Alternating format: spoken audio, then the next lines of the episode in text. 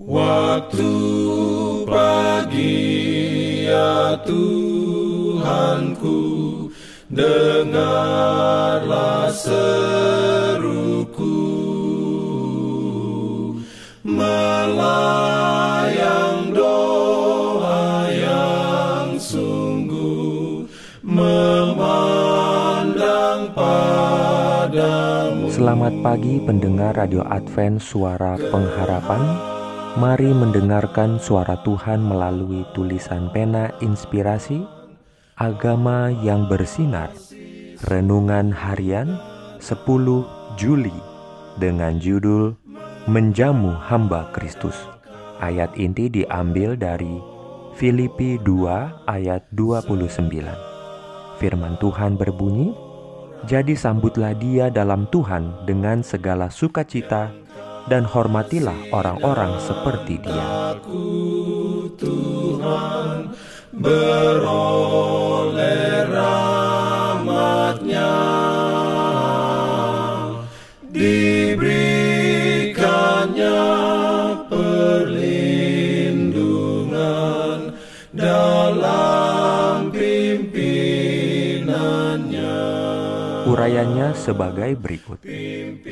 Tugas hamba-hamba Kristus adalah penghormatan yang amat tinggi dan mulia.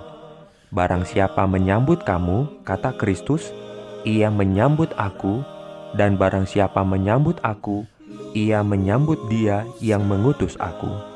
Tiada perbuatan yang baik dan ramah yang telah ditunjukkan kepada mereka atas namanya yang akan gagal diakui dan diberi upah dan di dalam pengakuan ramah serupa itu, ia mengikut sertakan yang terlemah dan terendah dari keluarga Allah. Barang siapa memberi air sejuk secangkir saja pun kepada salah seorang yang kecil ini, mereka yang seperti anak-anak di dalam imannya dan pengetahuan akan Kristus, karena ia muridku, aku berkata kepadamu, sesungguhnya ia tidak akan kehilangan upahnya daripadanya. Jangan kamu lupa memberi tumpangan kepada orang, sebab dengan berbuat demikian, beberapa orang dengan tidak diketahuinya telah menjamu malaikat-malaikat. Kata-kata ini tidak kehilangan kuasanya dari zaman berganti zaman.